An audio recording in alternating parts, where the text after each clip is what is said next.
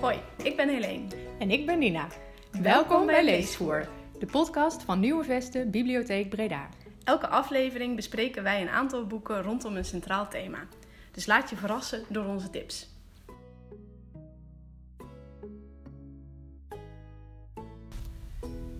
Hallo, welkom bij alweer de vierde aflevering van de podcast Leesvoer Nieuwe Vesten.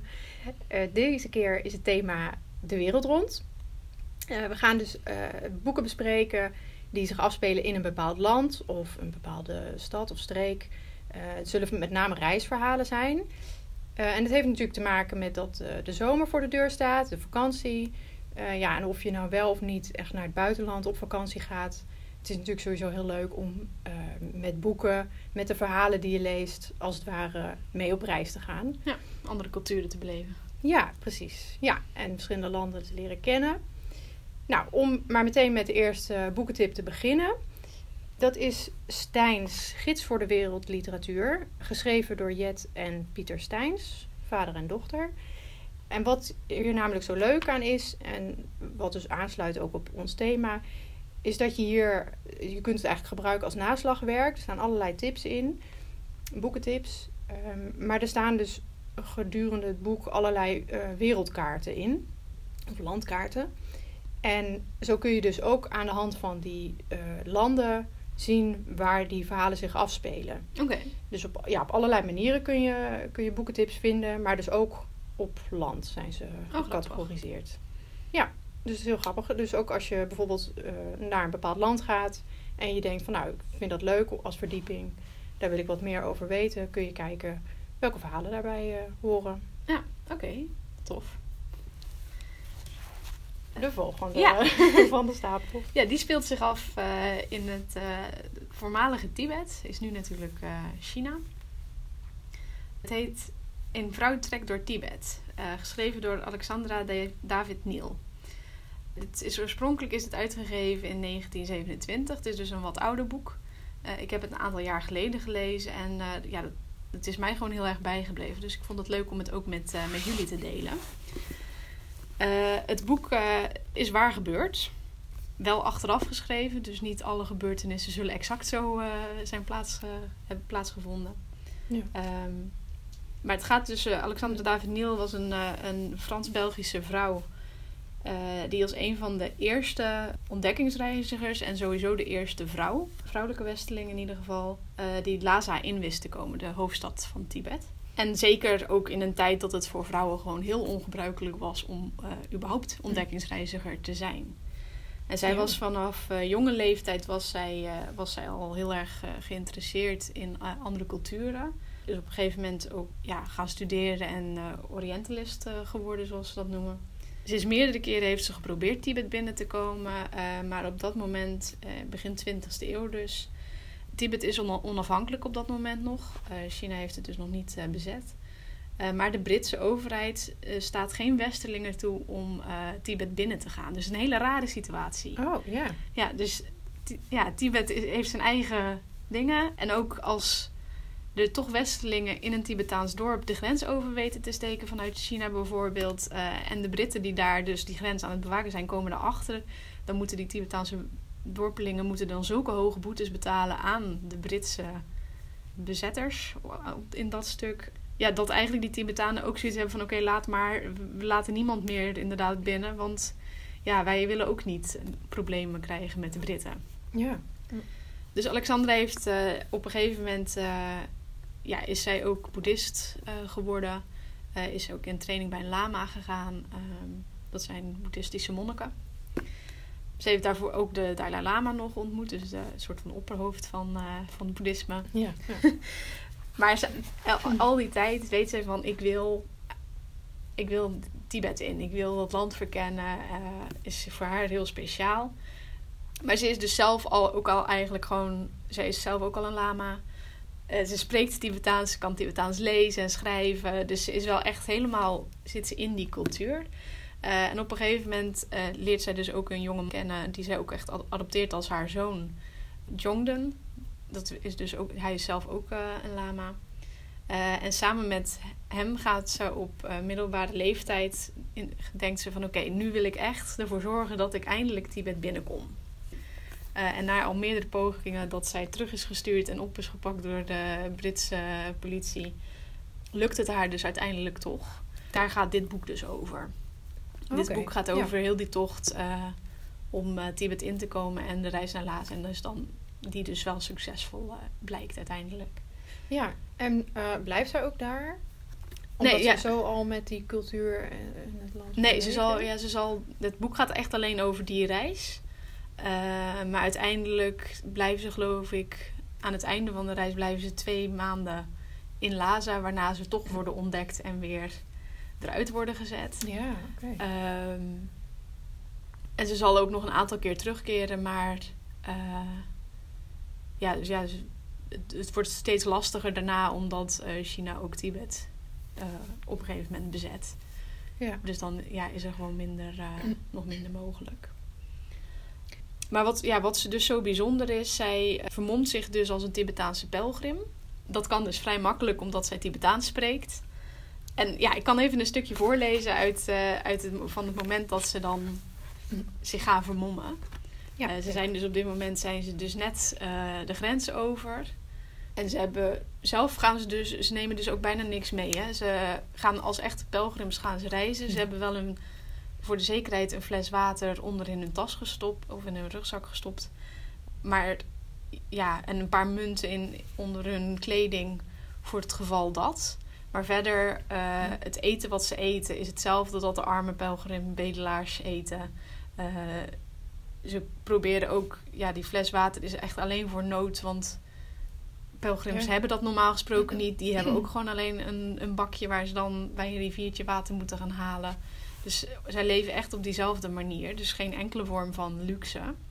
Uh, en dan ja, maak, lopen ze dus acht maanden lang echt duizenden kilometers om ja, naar het midden van Tibet te gaan. Dus het is wel echt, echt heel bijzonder en echt heel knap ook. Ja, zeker. Even kijken. Nu, dit is dus dat ze net zijn vertrokken uit China en dus hun Chinese kleding ook nog achter moeten laten en zo. Achter een dotje, een soort altaartje van stenen langs de weg, omgeven door vlaggen vol mystieke inscripties, lag een kleine hoogvlakte. We verstopten ons tussen het struikgewas, zodat niemand ons vanaf de weg kon zien. Een behoorlijke schuilplaats, maar nog altijd geen water. Naar beneden turend zag ik in de diepte van het dal blauwachtige rook tussen de bomen kringelen en hoorden het geruis van stromend water. Het idee dat daar houthakkers of reizigers zaten te eten en te drinken was bijna niet te harde. Jongden hield het niet meer uit en besloot met een ketel erop af te gaan om te zien of hij water kon krijgen. Intussen stopte ik onze bagage onder de takken, ging lang uit op de grond liggen en strooide door de bladeren over me heen. Zo kon geen enkele voorbijganger me opmerken. Zelf Jongden had er moeite mee om mij terug te vinden toen hij uiteindelijk met water terugkwam. We maakten meteen van de gelegenheid gebruik om ons als Arjopa's te vermommen. Arjopa's zijn de Tibetaanse pelgrims, meestal monniken, die te voet en beladen als meldieren bij duizenden door het land trekken om de oeroude heilige plaatsen te bezoeken. De afspraak was dat Jongden, die een ras-echte en zeer geleerde lama is, zou doorgaan voor de zoon van een vrome vrouw. Dat was ik, die zich op haar oude dag nog aan zo'n vermoeiende pelgrimstocht waagde. En nu, nadat ik bijna een jaar van vreugde en ontberingen achter de rug heb, weet ik dat dit de heerlijkste manier van reizen is. Mijn gelukkigste dagen waren toen ik, met mijn armzalige reiszak op mijn rug, over de bergen en door de valleien van dat prachtige land van de eeuwige sneeuw zwierf. Goed, we vermomden ons dus. Misschien is dat te veel gezegd. Het enige wat we hoefden te doen was onze Chinese kleren te verwisselen voor de Tibetaanse. En te zorgen dat we er zo armoedig mogelijk uitzagen. Jongen nam de lama-pij, die hij al sinds zijn volwassenheid gewend was te dragen, en ik droeg al jaren Tibetaanse kledij. Mijn hoofdbedekking bezorgde me wel al wat last. Ik had nog geen Tibetaanse hoed kunnen aanschaffen en moest het voorlopig stellen met een oude rode centuur die ik bij wijze van tulband om mijn hoofd won. De rode kleur in plaats van het gebruikelijke blauw werd gerechtvaardigd door mijn stand. Ik gaf me eenvoudig uit voor de weduwe van een nachtspa en lama-maagier en dus kon niemand er aanstoot aan nemen. Mijn schoenen met omgeboogde punten waren in kam gekocht en getuigden, net als de stof van mijn mantel, van mijn Tibetaanse afkomst. En een paar jaar van tevoren had ik mijn haar kort laten knippen. Maar nu ik als eenvoudige vrouw zou reizigen, moest ik het in vlechten dragen. Jammer genoeg voldeed hun lengte nog lang niet aan de eisen van de Tibetaanse mode. Gelukkig zaten er heel wat Tibetaanse vrouwen met hetzelfde probleem en van hen had ik geleerd jakhaar door mijn eigen haar heen te vlechten. Met Oost-Indische inkt zorgde ik dat de kleur egaal zwart werd. Door de grote hangers in mijn oren veranderde mijn gezicht al aanzienlijk en tenslotte poederde ik mijn huid nog met een mengsel van houtskool en cacaopoeder. Ja, dus dan, ja, er gaat toch wel een hele bedenking achter hoe ze zich Ja. helemaal moet vermommen. En Ja. door het boek heen moet zij dus ook elke dag zorgen dat ze weer opnieuw. Eh, uiteindelijk geen cacaopoeder, want dat is veel te kostbaar en dat is veel te lekker om, om te drinken. Ja. Maar dat zij dus elke dag zich met as weer besmeerde om er zo Tibetaans mogelijk uit te zien. Oké. Wat mij vooral dan dacht, ja, zij heeft nog geluk dat ze überhaupt dan donker haar had en donkere ogen. Want Ja. ik als blonde zou daar niet... Ja. Nee, nee, precies. en als je, ik bedoel, Fransen hebben vaak ook een iets kleinere bouw eh, dan Nederlandse vrouwen. Dus dan Ja. Ja, kom je al dichter Ja. bij de Aziatische bouw. Ja, ja maar dit, dit is natuurlijk al lang geleden ook. Maar... ja, ja, op de foto staat ook, eh, dat is oh, zij ja. ook. Ja, precies. Maar ook eh, heel spannend, lijkt me. ja, naast dat het natuurlijk heel mooi Ja. eh, weergeeft. Nou, het is ook heel bijzonder, want ik heb als kind heb ik heel veel boeken over Tibet gelezen die zich in Tibet afspeelden. En daar krijg je natuurlijk wel een, een beeld van het land, maar hiervan weet je gewoon, oké, zij heeft hier echt, dit is echt, althans in grote mate is dit echt gebeurd. Zij heeft die mensen echt ontmoet, die mensen leefden echt zo. Ja. Nou, Het is ja, gewoon heel bijzonder. Ze beschrijft dus heel mooi het land, maar ook de gebruik, de, de gewoontes, het geloof. Ook grotendeels, omdat ze natuurlijk zelf daar ook eh, heel erg mee bezig is. Ja. Ehm, ja, en ik vind het gewoon heel knap hoe iemand die dus als vrij rijke westerse vrouw is opgegroeid, toch echt zo armoedig een land door weet te krijgen. En die wilskracht ook die erachter zit om dat dan te doen. ja, om die stap te maken inderdaad. Ja. Nou, en inderdaad wat je zei, als vrouw sowieso en in die tijd. Ja. ja. Ja, het is ook Ja. leuk. Er bestaat dus ook, eh, want zij, dit is niet de enige reis die ze heeft gemaakt en ook niet het enige boek wat ze heeft geschreven. Eh, het was ook een soort van eh, ja, bewijs naar de Britten toe van: kijk eens, onder jullie neus door ben ik toch Tibet in weten te komen. Na, na, na, na, na. Ja, oké. Dus ook een beetje, dat komt ook wel soms terug in het boek, het is ook gewoon een tikje eigenwijs Ja. en bij de hand. Oh, leuk. Dus dat is wel grappig. En, eh, maar er is dus ook, zij is op later, uiteindelijk is zij 101 geworden. En ze woonde in, eh, ze uiteindelijk heeft ze haar pensioenleeftijd voornamelijk in, in Frankrijk toch doorgebracht. Ik ben er vorig jaar toevallig op vakantie langs geweest. Alleen toen waren ze aan het verbouwen, dus toen mocht ik er niet naar binnen. Maar Oh, maar eh, bij, in ieder geval bij haar huis. Wat nu een soort van Tibetaans tempel is geworden. Want, dat had ze ook allemaal gebouwd in de tijd dat zij daar woonde. Oké, Het is een oh, heel, heel, bijzondere plek. Eh, maar zij heeft dus de laatste jaren van haar leven... heeft zij ook een soort van assistent gehad die haar hielp. En die heeft ja, ook het verhaal van, van haar leven met Alexandra David-Niel... in een strip laten uitbrengen. Die hebben wij ook in onze collectie. En het heet Een leven met Alexandra David-Niel. Dus ook wel grappig, want dan... Ja, dit boek is natuurlijk maar een klein stukje. Dat is maar een, een, een jaar van haar leven. We hebben ook nog een aantal andere boeken van haar. Maar die, in die strip, ja, het is een volwassene strip. Daar krijg je dus verschillende etappes van haar leven krijg je mee. Maar ook zie je hoe zij als oudere vrouw eh, nog was. Ja. Het is ook wel grappig, zij... eh, toen ze dus 101 was geworden, toen, is ze nog, toen was haar paspoort verlopen. En toen is ze nog naar de ambassade gegaan. Dat ze de paspoort wilde verlengen. Dat ze toen bij het gemeentehuis zeiden van nou, weet u het zeker? en dat zij zo nee, oh zo, ik, ga, ik ben nog van plan om op reis te gaan. Helaas is dat er niet meer gelukt, maar Mm. ja, dat wij- wijst natuurlijk wel ja, de levenskracht die daarachter zat. Ja, precies. Ja. Nou, Dus die, mooi. ja. Ja. Nou ja, en dus eh, een voettocht van een vrouw Ja. ook nog. Eh, dus daar sluit het volgende boek wel goed op aan. Ik heb namelijk het boek Wild meegenomen van Cheryl Strait. Dat speelt zich af in Amerika. Oké. Aan de eh, oostkust, of oostkant in ieder geval van eh, de Verenigde Staten. Ehm, het is namelijk een ehm, ja, verslaglegging eigenlijk, een, een autobiografisch boek dus van Cheryl Strait zelf.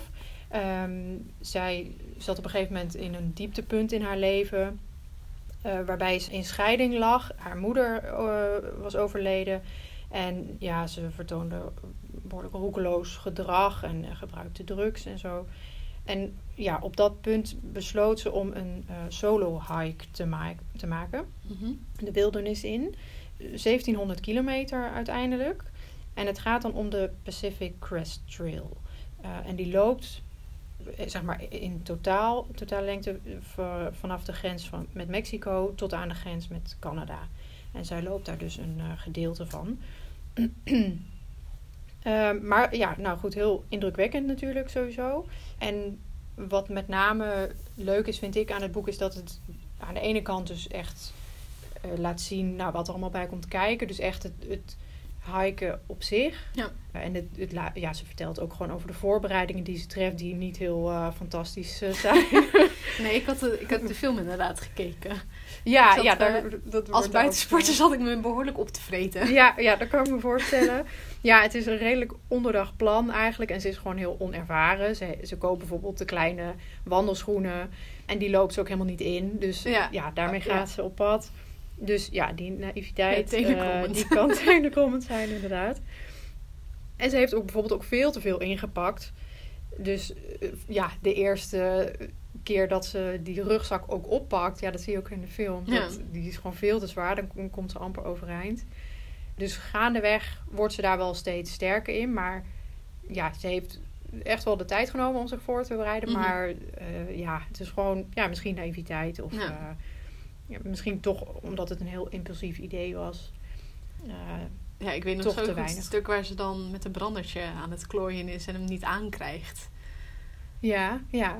Oh, dat, hoe kan je nou aan zo'n verklappen, Maar, maar ja, inderdaad. Ja, dat soort voorbeelden allemaal. Ja. En, eh, Maar misschien andere Ja. mensen hebben daar... Ja, ik maak zelf ook heel veel trektochten. Dus misschien erger ik me daar juist aan, maar andere mensen minder. Ja, ja, en ik denk ook dat het eh, juist die naïviteit, dat je wat meer met haar meeleeft. En ja, dat veel mensen zich ook eh, misschien met haar kunnen identificeren. Want Ja. ja, we zijn niet allemaal eh, mensen die ervaring hebben met zo'n lange wandeltocht. Maar dat je gewoon ziet van ja, ook, ook zij Kan hè, het. Ja, Oh het ja. is een beetje zoals, zoals jij en ik. Ja. En ja, juist iemand die, die dus zulke ja, dieptepunten ook heeft meegemaakt. Hoe, hoe ze er bovenop komt eigenlijk. Want Ja. het is ook een soort van therapie voor haar. Ja. En eh, ja, ze, ze, ook onderweg komt ze tegenslagen tegen.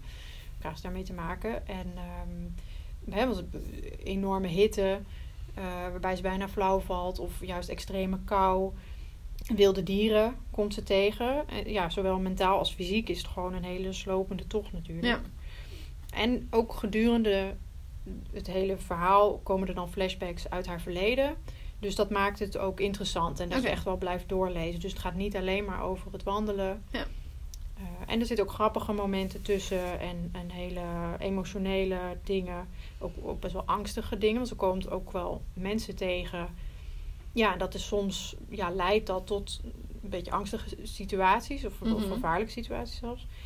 Maar ook juist mensen die, eh, ja, waar- waarbij het hele mooie moment eh, oplevert. Ja, je merkt wel dat het echt Amerikaans geschreven is, zal ik maar zeggen. Het is een beetje overdreven soms. En ik denk met name de film. Oké. Want inderdaad, wat je zei, het is ook verfilmd. En ja, ik moet zeggen dat dat volgens mij nog wat meer gedramatiseerd is. Wat ook logisch is eh, Ja. voor een film. Is trouwens met Reese Witherspoon in de hoofdrol. Als Cheryl Strait dus. En Lau- Laura Dern als Cheryl's moeder. Oké. Dus ook wel eh, bekende eh, cast.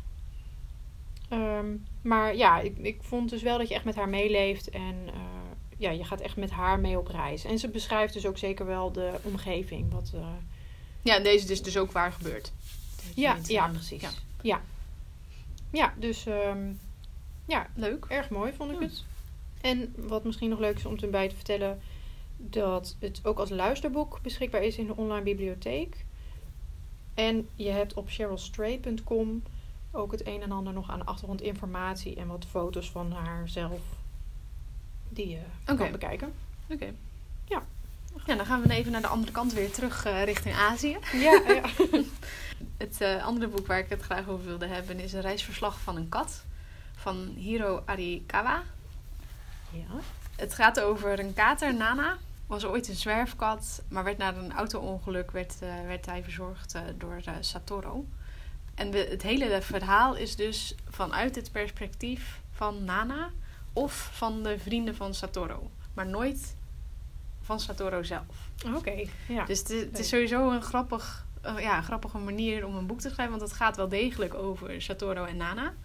Maar je ziet het dus niet vanuit zijn perspectief, maar voornamelijk dan vanuit Nana's, de kat. ja. En samen gaan zij dan op een gegeven moment... Ja, dit verhaal gaat dus dat ze heel eh, Japan door gaan reizen. Eh, met de auto gaan ze allemaal bij verschillende vrienden en bekenden van Satoru langs. Dus op die momenten heb je dus dan ook even het perspectief van die vrienden. Te, krijg je dan te zien. En het gaat, ja, het gaat een beetje over de kleine dingen in het leven. En je merkt echt hoe sterk de band tussen eh, kat en mens kan zijn. Dus ja, zonder te veel te verklappen, het is gewoon een, een hartverwarmend verhaal over die vriendschap. En ik vond het echt, echt gewoon heel prachtig geschreven. Je krijgt Japan dus ook door Nana's ogen een beetje te zien.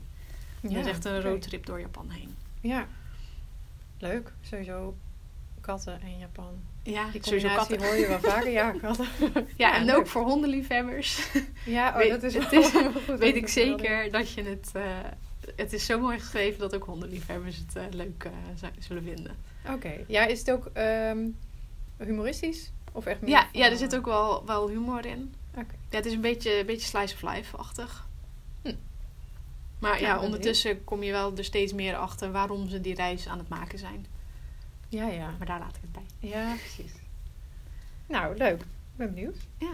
Nou, ik heb ook een boekje wat daar wel op aansluit. In ieder geval eh, wat betreft het land. Ik heb namelijk Japan in 100 kleine stukjes van Pauline Cornelissen. En ja, dat is eigenlijk gewoon een heel grappig, leuk boekje. Zij is onder andere bekend ook van taal, zeg maar echt mijn ding. Oh ja. Dus ehm heel meer eh, columnachtige eh, stukjes en verhaaltjes. En zij is ook helemaal gek van Japan. Heeft daar ook gestudeerd geloof ik. Ze heeft daar ook eh, een televisieserie van gemaakt. Eh, zij kan dus ook best wel, nou ja, als ik het hoor, denk ik, zij is heel goed in Japans. Maar Mhm. eh, in ieder geval, die kan zich daar wel goed eh, redden. En zij heeft daar dus een boekje mee volgeschreven. Dus echt honderd stukjes zijn het ook, honderd verhaaltjes. En dat gaat van, ja, heel veel over de taal. Dus het, het schrijven en het spreken ook. Ja, van het kanji. Ja. Meer ook de tekens eh daarvan. En eh, nou, bepaalde gebruiken in Japan, de, de cultuur, de geschiedenis. Dus het is ja, gewoon heel interessant en eh, leerzaam. N- Ja, je niet per se als je naar Japan op vakantie wil, dan, sowieso, dan is het sowieso heel leuk natuurlijk. Maar ook gewoon om er eh, wat meer over te weten te Ja. komen. Het is heel toegankelijk ook en eh, nou, gewoon heel grappig in haar stijl allemaal geschreven. Oké.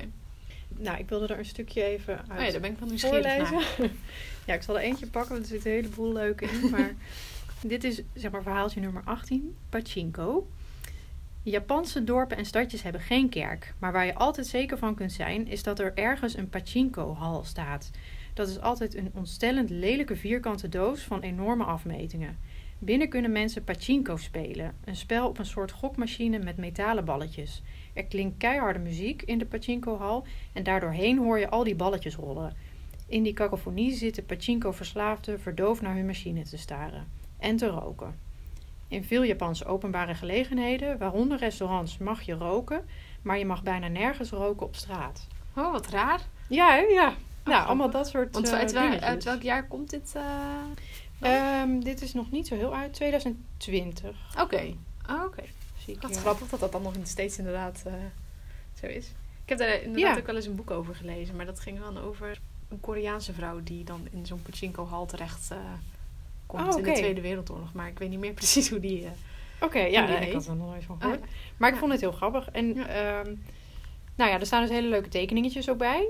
Ook door haar zelf getekend. mhm. Ik heb hier nog eentje. Ja, is goed. Ja, doe maar. Want dit vond ik ook een hele leuke. Zwart haar heet het. Candy uit de televisieserie Candy Candy. was blond en had blauwe ogen. En Candy Candy is een eh, Japanse Japanse, serie. Ja, een, eh, kinderserie. Wist ik niet, maar dat staat hier dus ook in. Eh, dat geldt voor wel meer Japanse figuurtjes. Ook zie je in anime vaak felgekleurde haren en oogkleuren die in de natuur niet voorkomen. Dat is verrassend, want in de Japanse samenleving is er weinig tolerantie voor afwijkende kleuren. In 2018 spanden de ouders van een middelbare scholier een rechtszaak aan tegen haar school. Hun dochter had van nature haar dat niet zwart was, maar donkerbruin. De school verplichtte de leerling om haar haar zwart te verven, want Japanse haren zijn zwart. Ook bij sommige Japanse bedrijven komt periodiek iemand langs met kleurstaaltjes om te checken of het haar van de werknemers wel zwart genoeg is. Nee joh. dat is wel Ja, extreem. ja precies. Ja, maar dit, dit soort dingen allemaal. Ja. ja, het is wel echt een land van, eh, van tegenstrijdigheden. ja, Past bij de Boekenweek, die vorige week was. ja, inderdaad. Ja, Ja, Nou, dat en is dat, ook thema eh, tweestrijd natuurlijk. ja, Ja. precies. Ja, goeie. En eh, nou ja, dat is ook wat zij laat zien in die tv-serie inderdaad. En daar is dit, eh, ja, past dit, dit boekje ook gewoon bij. Ja, echt, echt verschillende kanten van Japan. Ja. Want Als je er op vakantie gaat en je neemt de toeristische gids mee... en dan krijg je natuurlijk bepaalde, Bepaalde plekken alleen ja. te zien. Maar eh, ja. dat maakt dit boekje ook zo leuk. Dat je echt eh, Oh, grappig. andere kanten er ook van ziet. Oké. Gaan we verder met weer een ander boek. Ik heb nog het boek Jenny van Jenny Colgan op goed geluk. Ja, dit was wel een grappig verhaal. Hè? Ja, Want ik was samen met een collega aan het werken. En dit boek kwam nieuw binnen. En die collega zei... Oh mijn god, dit gaat over bibliothecaresse Nina. Dit moeten we aan Ja. Nina geven. dus ik zag het eh, klaarstaan. Hè, op mijn naam hadden jullie het al eh, neergelegd. En ehm, ja, inderdaad. Dus bibliothecaresse Nina, daar gaat het over. Dus Ja, Ja, super toevallig. dat moest ik natuurlijk lezen. dus dat heb ik gedaan. En ehm, nou, ik heb hem voor nu ook meegenomen omdat het nou, aansluit bij het thema natuurlijk. Zij gaat in een opwelling naar Schotland. Zij is bli- bibliothecaresse, maar ze verlie- verliest wel haar baan. Hopelijk geen toekomstbeeld. Dat, nee, precies. dat is dan weer een beetje jammer. Maar, ehm, eh, nou ja, daar, doordat ze dus op het punt komt van, ja, wat, wat ga ik dan nu doen? eh, besluit ze in een opwelling een bus te kopen. En daar maakt In ze Schotland? Een, eh, ja, die, die koopt ze in Schotland. En in principe is het idee om dan in Londen, waar ze woont, eh, dat als, als boekenbus te gebruiken en zo in te richten. Dus echt als een soort rijdende winkel. Ehm, Of bibliotheek. Nee, echt een Echt winkel. winkel, Ja, ze- ja, dat is dan inderdaad ja, het verschil. Maar dat, ja, ze gaat hem daar ophalen. En dan, ja, dan is er natuurlijk weer van alles mee aan de hand. En, Oh, ja. ehm, nou ja, uiteindelijk gaat ze er dus inderdaad mee in Schotland eh toeren, zeg maar. Ja. Gaat ze naar de verschillende dorpjes. Door de, de Schotse hooglanden. En wordt ze ook eigenlijk verliefd op het land en ehm, Ja. ja, de omgeving. Snap ik. Eh, ja, zeker. Prachtig. En als je het ook leest, dan, dan is het eh, heel duidelijk. En het, het contrast tussen stad en Natuur, Schotse ja. natuur wordt ook wel sterk benadrukt. Want het, de stad wordt ook best wel als negatief Mhm. omschreven, zeg maar. Veel lawaai en stank en eh, weinig ruimte. Dat is op En- zich ook waar. Maar... Ja, precies. maar goed, ja, hij heeft natuurlijk heel veel verschillende Ja, kanten. En, ja, dat maar dat wordt dan zo Ja. benadrukt. En eh, het Schotse landschap is dan het eh, idyllische plaatje, Ja, zeg precies. maar. Dus ehm, je begrijpt haar helemaal dat ze dat eh, doet. Maar ze, er komen natuurlijk allerlei eh, ook weer tegenslagen op haar pad. Dus zeg maar de nodige ups en downs. Maar het wordt niet dramatisch. Zeg maar. Het is een echte eh, ja, Feel good. feel good. eh, het leest makkelijk weg. Oké. Een beetje zoetsappig of, en, en eh, voorspelbaar zou je kunnen zeggen. Maar in het genre, zeg maar, ja, de chicklit Ja. valt het wel onder. Er zit zeker een aanrader. En je krijgt ook echt zin om zelf je spullen te pakken en het roer eh, helemaal om te gooien. Ja, Niet en zomaar weggaan, hè? Nee. nee, ik zal het toch maar niet doen. Nee. Maar zeker inderdaad met dat landschap zo eh, erbij. Dus dat is heel leuk. En wat ik nog even wilde zeggen is... Jenny Colgan eh, heeft meerdere series ook geschreven. Dus je kent haar misschien ook van de serie Zon en Zee en De Kleine Bakkerij. En Ah, ja. dit is ook weer een deel 1 van een serie. Ah, namelijk de serie Happy Ever After. Oké. Ja. Leuk. Nou, daar waren de- in ieder geval onze tips voor de romans. We hebben nog Ja. twee, eh, althans, de eerste twee waren natuurlijk officieel ook informatief, maar lezen wel echt eh, als een roman. Eh, maar we hebben ook nog wat meer informatieve boeken. Eentje Verborgen Plekken van Sarah Baxter. Met illustraties van Amy Grimes. En dat is echt, het, ja, het is dus een boekje met van heel de wereld plekken die vrij onbekend zijn of lang verborgen zijn gebleven. Met prachtige illustraties erbij. Ja, Dus dat ja, is echt, heel mooi. al sla je het maar even open. Ja, alleen, Eh, om, alleen al voor die illustraties ja. inderdaad. Ja. En ja, er staat dan een kleine omschrijving bij van het verhaal van die plek en hoe het ontdekt is, eh, waarom het zo speciaal is. Dus ja, heel, gewoon heel erg leuk. Jij was er bij één Ja. geweest, toch? Eh, ja, het Zwarte Woud staat er. Oh ja. dus eh, ja. En jij ook. Ja, ja, ik was in Havasupai geweest, in de Havasu Canyon in Amerika. Maar de, ja, terecht dat het, een, dat het hierin staat, want het is een hele bijzondere, bijzondere plek. Maar zo staan Ja. er dus nog meer eh, plaatsen in. Dus zeker als je nog niet weet waar je naartoe op vakantie wilt, zodra de hele wereld weer uit de lockdown is. Ja. Sla het even open. Wie weet heb je je volgende reisbestemming gevonden. Ja, hier staan wel wat leuke, wat mooie plekjes in, Ja. inderdaad. Maar ook wel ehm, wat, soms wat moeilijker, of juist wat moeilijker te, vinden plekjes. Ja, zijn sowieso. niet voor niks verborgen plekken. Ja. Eh, Ja, dus soms is er een, een tocht eh, alleen per Te voet, voet, ja. eh, van dagen eh, die eraan vooraf moet gaan. Ja. ja, dat was bijvoorbeeld bij die Havasu Canyon waar ik dan ben geweest. Daar moet je inderdaad een behoorlijke voettocht voor afleggen. Maar je, ja, je moet gewoon de Grand Canyon in afdalen Ja. voordat je daar kan. En dat is dan de enige manier Om daar te komen, ja. Dus dat eh is dat wel maakt het wel speciaal. rekening mee te houden Ja. dan. Ja, nou ja, nog een beetje in dezelfde stijl. Nog zo'n boek. voor de thuisblijvers. Ehm, ja, juist inderdaad. Voor de thuisblijvers eigenlijk. Is het boek Uitwaaien van Daphne Dekkers.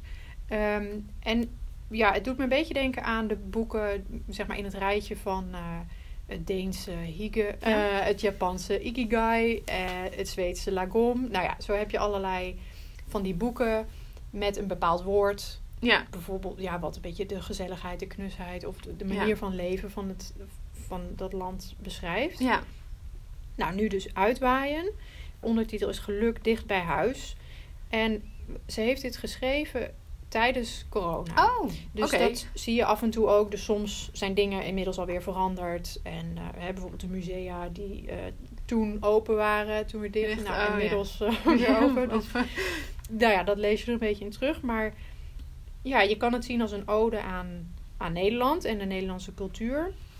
Want de, nou ja, de bitterbal komt eh, erin voor. Het fietsen, het schaatsen, de bloemen, de Nederlandse keuken, Dutch design. En nou ja, allerlei plekken waar je, waar je naartoe kan. Dus nou ja, het staat vol met allemaal mooie foto's en leuke illustraties. Nou ja, bijvoorbeeld Amsterdam en Rotterdam komen aan bod, maar ook de, de kust, de Veluwe. Oké. eh, en dan met specifieke tips van, oké, deze plek of dit stukje, dit tentje. Ja, de ene keer inderdaad tips waar, waar je naartoe kan gaan. De achtergrondinformatie. Ja, ook wat, eh, wat verhalen of eh, Ja. ja. quotes eh, staan er een hoop in van onder andere bekende Nederlanders. En allemaal leuke feitjes en weetjes. Dus het is heel leuk om zo eens doorheen te bladeren. En inderdaad ook als inspiratie voor je vakantie. Inderdaad, dicht bij huis. Ja. En zeker nu is dat natuurlijk hartstikke leuk. Ja. om eens wat meer bij stil te staan. Nou, dat waren eigenlijk onze tips. Nou krijgen we natuurlijk ook nog steeds wel eh, tips van eh, luisteraars. En dat is hartstikke leuk. En nu hadden we er eentje die ook weer aansluit bij dit thema. ja, dus die hebben we al Dus- een tijdje terug, hadden we die al gekregen. Ja, ja. Dus we bewaren ze soms, eh, zodat we ze dan mee kunnen nemen in een aflevering waar het thema matcht. Ja, precies. Nou, en deze keer willen we graag de tip van Richard benoemen. Hij heeft The Brightest Sun gelezen van Adrian Benson. Wij hebben hem ook in het Engels, die En hij dus gelezen Nederlands, heeft, maar ook in het Nederlands inderdaad. Eh, en dan heet hij Onder de Afrikaanse Zon. Het verhaal speelt zich vooral af in Kenia, in Afrika. En eh, het verhaal gaat over drie blanke vrouwen die hun leven ieder op een eigen manier vormgeven. En ze worden al dan niet vrijwillig met elkaar geconfronteerd. En Richard zegt daarbij dat het heel boeiend geschreven is en ook vooral heel mooi geschreven is. Dus Oké. Hij vond het zeker eh, een aanrader, dus dat komt er ook nog bij eh, Ja. op het eh, te lezen Ja. lijstje. Een bak vol boeken Nou, hè, deze ja. aflevering. Ja. ja. Ja, dus mocht je, mocht je zelf nog een tip hebben, wees niet bang. Stuur hem gewoon op naar leesvoer.nieuwevesten.nl. Eh wie weet kunnen wij hem ook een keertje in een van onze afleveringen meenemen. Ja, De aflevering komt natuurlijk weer met alle eh, boekentips. Maar ook nog wat extra boekentips komt die op onze website te staan. bibliotheekbreda.nl En dan staat het onder het kopje in de bibliotheek. En dan podcast. En eh, wat alvast leuk is om te vertellen, is dat we bij de volgende aflevering een gast hebben. Eh, dat is namelijk Michiel de Vlieger. Eh, hij heeft een boek geschreven, De Muur van Bretagne. En daar gaat onze collega Ralf met hem over in gesprek. Ja, Ralf is onze collectioneur. Ja, precies. En eh, nou, die is het boek momenteel aan het lezen. Dus eh, die is straks helemaal voorbereid. En Michiel de Vlieger is een Bredase schrijver. Ja, dus dat is leuk dat En, hij... eh, ja, dus Ja. nou ja, we zijn heel benieuwd. En ja, ik ben er de volgende keer dus niet, omdat ik dan met vakantie ben. Ja, met al deze boeken natuurlijk. Ja, precies. Waar, we, waar de reis heen gaat weten we nog niet, maar we gaan het zien. Oké, Dus nou ja, dankjewel voor het luisteren en tot de volgende keer. tot de volgende keer.